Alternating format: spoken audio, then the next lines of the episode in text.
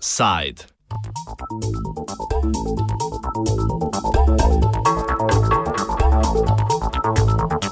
ساق الخري إلى من جرب وخ الخري إلى من ترك Izraelske težnje po transparentnosti.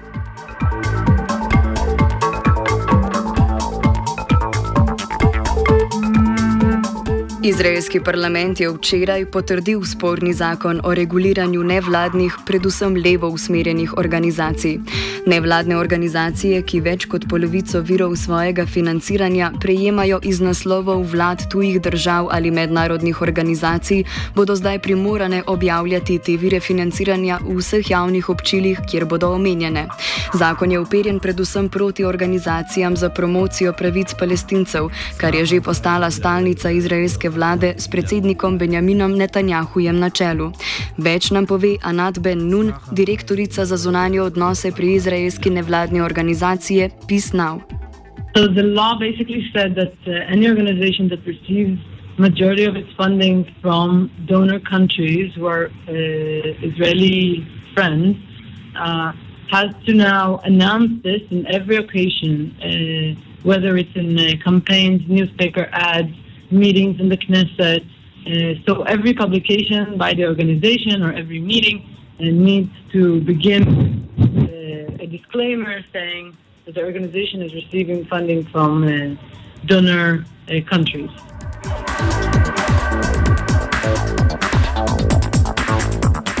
Svoje mnenje o domnevno spornem zakonu z nami deli še Roni Barkan, aktivist za bojkot Izraela. So, actually, what I am uh, about to tell you is uh, something that you will probably not hear on mainstream media. Uh, and I think that the law um, is actually quite insignificant. Whoever uh, is opposed to the law, the liberal Zionists, they are very much against the law because that uh, curtails, that uh, um gives them much more um issues when they are carrying on their conduct. Basically, the law is about needing to expose the source of funding that they are receiving from the outside, from uh, European governments. Um, so, so basically, this law targets specifically liberal Zionist organizations. Uh, and those liberal Zionists are opposed to that law because, uh, because obviously uh, they would like to have less, to, to not have so much scrutiny about where they get their funding from, and needing to uh, apologize for wherever they get the funding from.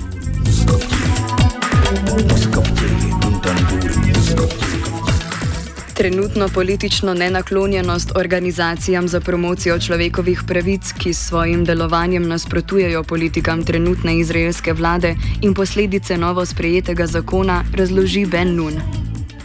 So it's important to understand the political environment uh, uh, under which uh, NGOs are working today. Uh, this is an environment that is trying to bash and silence and delegitimize uh, any organization that is criticizing the, the government's policies. In the past year, we've experienced a wave of campaigns and legislation efforts in order to silence uh, civil society organizations working on issues of human rights, working on the issues related to the conflict. Uh, in such an environment, uh, basically, um, the idea of uh, having to always say uh, that you are funded by a foreign government has the implication or has the is implying that you are basically working for others' interests and not for your own ideology. What the government is trying is to portray us as foreign agents other than ordinary citizens who are concerned about the future of our country.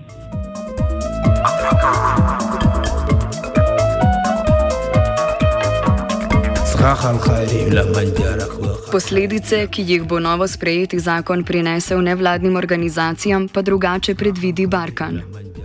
So initially, obviously, the, the wording of the uh, first draft was much more uh, severe, and it, uh, they wanted the law to be uh, put in in, uh, in effect also retroactively. They wanted uh, people who are representatives of such NGOs when they are lobbying at the Knesset, at the, at the Israeli apartheid parliament, Uh, they wanted them to wear certain badges uh, that uh, basically uh, state that they are uh, funded by a certain, uh, you know, external governments and so on. So all these things have been removed from this final um, wording of the law. What still exists is that this law that has just been enacted just been legislated, um, they, it says that these organizations do have to uh, supply uh, full um, information about uh, those uh, foreign governments and foreign organizations that are being that are funding them, and also uh, whenever they are um, attending certain uh, Knesset um, meetings and whenever they are being approached by certain members of Knesset and being questioned about their funding, they have to submit that information. So basically, whenever they uh, attend certain uh, meetings at the Israeli parliament, uh, they have to state that, you know, I am being funded by an external government, let's say the government of Belgium or and so on. Kot že omenjeno, bo zakon zajel skoraj izključno palestincem naklonjene nevladne organizacije, saj se Izraelu naklonjene organizacije financirajo večinoma iz donacij premožnih posameznikov. Teh donatorjev pa po novem zakonu ne bodo dolžne razkriti. Pri tem je primarni vladni argument zagotovitev transparentnosti. Kako je v zakonu prišlo do izuzetja določenih organizacij in kaj po njenem mnenju zakon dejansko prinaša, razloži Ben Nun. The criteria of the law was tailored especially in order to target very, very specific groups. There are around 27 groups that are going to be affected by this bill. I believe 25 of them are human rights and peace organizations. Uh, whether, you know, the, the only intention of the bill is not transparency, which uh, is what the government is saying, because these organizations are all already highly transparent and report four times a year on their donations.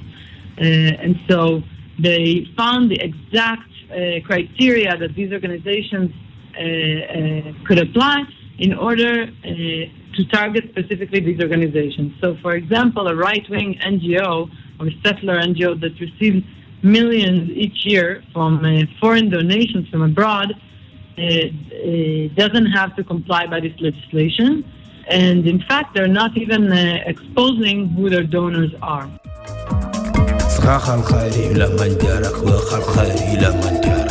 Za razliko od Ben Nun se Barkan ne strinja z definicijo nevladnih organizacij kot promotork človekovih pravic. V nadaljevanju nam razloži razloge za to. There, are, there is a list of uh, 20 some uh, NGOs. As I said, most of them, not all, but most of them are liberal Zionist organizations that claim to be human rights related. I certainly question how related to human rights issues they are. Organizations such as Breaking the Silence, which does the exact opposite of Breaking the Silence, they are the ones who are at the forefront of protecting war criminals in Israel. Organizations like the Association for Civil Rights in Israel, which um, claims to speak about human rights and civil rights, but actually has perfected the language of lies about uh, strong basis of Israeli democracy, fighting for democracy, and, and so on. They, they, they, they deal with they regard the situation in the West Bank, for example, in the occupied West Bank, as being a, a situation of apartheid, but they will never say uh, about Israel proper that that also there there is apartheid.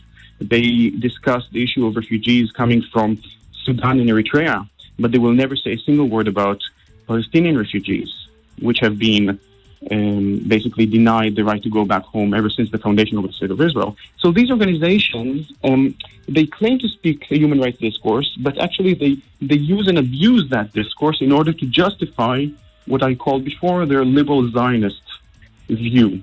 Now, um, these organizations, um, like I mentioned before, uh, Bring the Silence, um, Association for Civil Rights in Israel, uh, B'Tselem, and others, some of them do uh, good work, but uh, the bulk of their activity is about creating a whole different discourse that claims that the situation, the problems that Israel uh, faces, or or the the questions of legitimacy of Israel is only about what it does in the occupied territories in the West Bank and the Gaza Strip. But at the same time, they fully legitimize what Israel does inside Israel proper, what we call Palestine 48. But actually, what Israel does inside Israel proper is just as illegitimate. And it is just as much as an apartheid state inside Israel, not only in the occupied territories. And these organizations fail to address that. Actually, they are doing everything in their power not to address that and to create an alternative discourse that will cover up these crimes that are carrying on inside Israel proper. Zakon je bil v parlamentu sprejet s 57 glasovi za in 48 proti. Kdo ga je podprl in kaj je nasprotnike zakona pri tem presenetilo, nam razkrije Ben Nun. I mean, the entire uh, coalition supported the law. We were highly disappointed by the Kulanu party, a center right party, uh, that uh, w- when the government uh, was established, it promised that it will uh, work to maintain Israel's democratic character. Uh, the other groups were not that, the other parties were not that surprised about their vote. but when it comes to Kulanu, we hope that they would truly stand for uh, dem- democratic values and vote against the legislation. Here we feel they collaborated with the extreme right wing on this legislation. Kako se ogrožene nevladne organizacije spornemu zakonu še lahko postavijo po robu? O nadaljnih možnostih in načrtih za prihodnost v imenu organizacije Peace Now spregovori Ben Nun. We're not going to let uh, this law silence us. Uh, we're Uh, if we will have to, we will comply by the law, but before that, we will go to the Supreme Court and try to challenge it. Uh, we find it as a violation of freedom of expression and as a law that is very discriminatory, so we are going to try to contest it before the Supreme Court. If we don't succeed, this will not stop us from con- continuing our work, but it might have an effect on our impact on the Israeli public.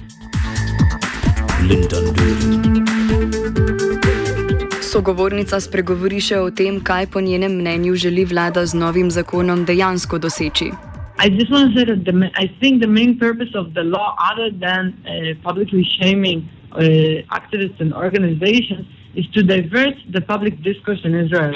Instead of talking about the occupation, Israel's control of the Palestinian territories, uh, Israel's continued settlement policy, uh, the public discourse focuses on funding and who is getting how much and from whom. I think uh, this is very bad for, for Israel. I think we, we must continue and have a vibrant public discourse on the real issues, and uh, this bill is trying to prevent exactly that.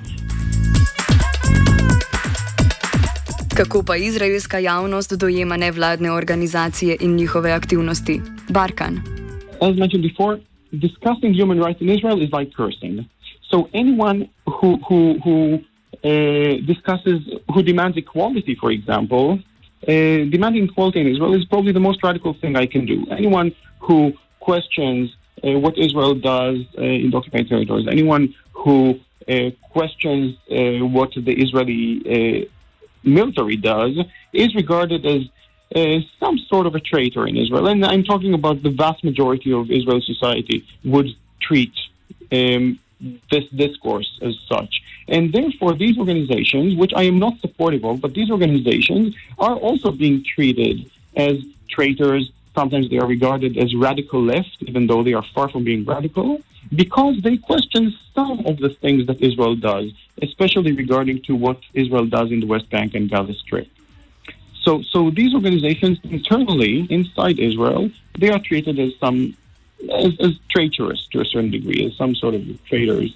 But uh, as far as I'm concerned, as far as people who are concerned about Palestinian rights, um, actually these organizations are serving a purpose in order to cover up for Israeli crimes rather than exposing Israeli crimes. So it is all a question of perspective. If you look at what Israelis think about these organizations, these organizations are regarded as traitorous, and therefore they are both the government and the people of Israel are supportive of uh, limiting the activity of such organizations. If you look at people, if you look at it from the outside, if you look at everything in the prism of Palestinian rights, then these organizations actually serve a purpose in order to legitimize Israeli crimes. So, so it is all a question of perspective.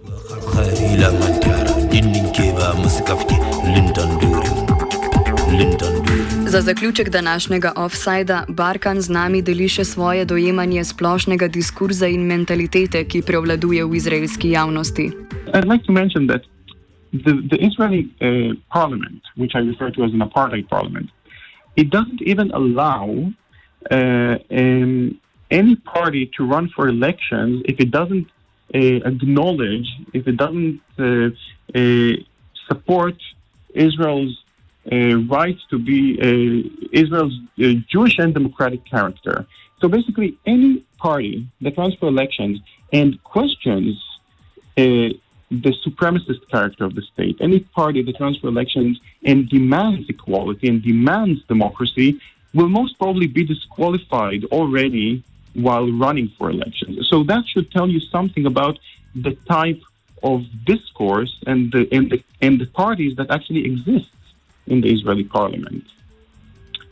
So, so all of this discourse and all of everything that is happening in Israel is done under that um, type of thinking. With, nothing is being questioned about um, Israeli apartheid and, and, the supremacist character of the state. It is all an internal type of discourse between so-called left and right in Israel that are bickering about certain things, and this is what we see at the parliament with this specific law that is being legislated.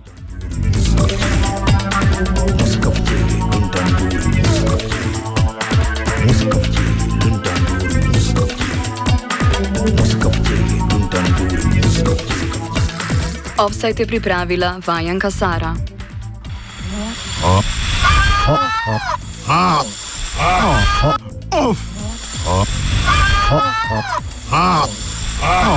Offside. Radio Talib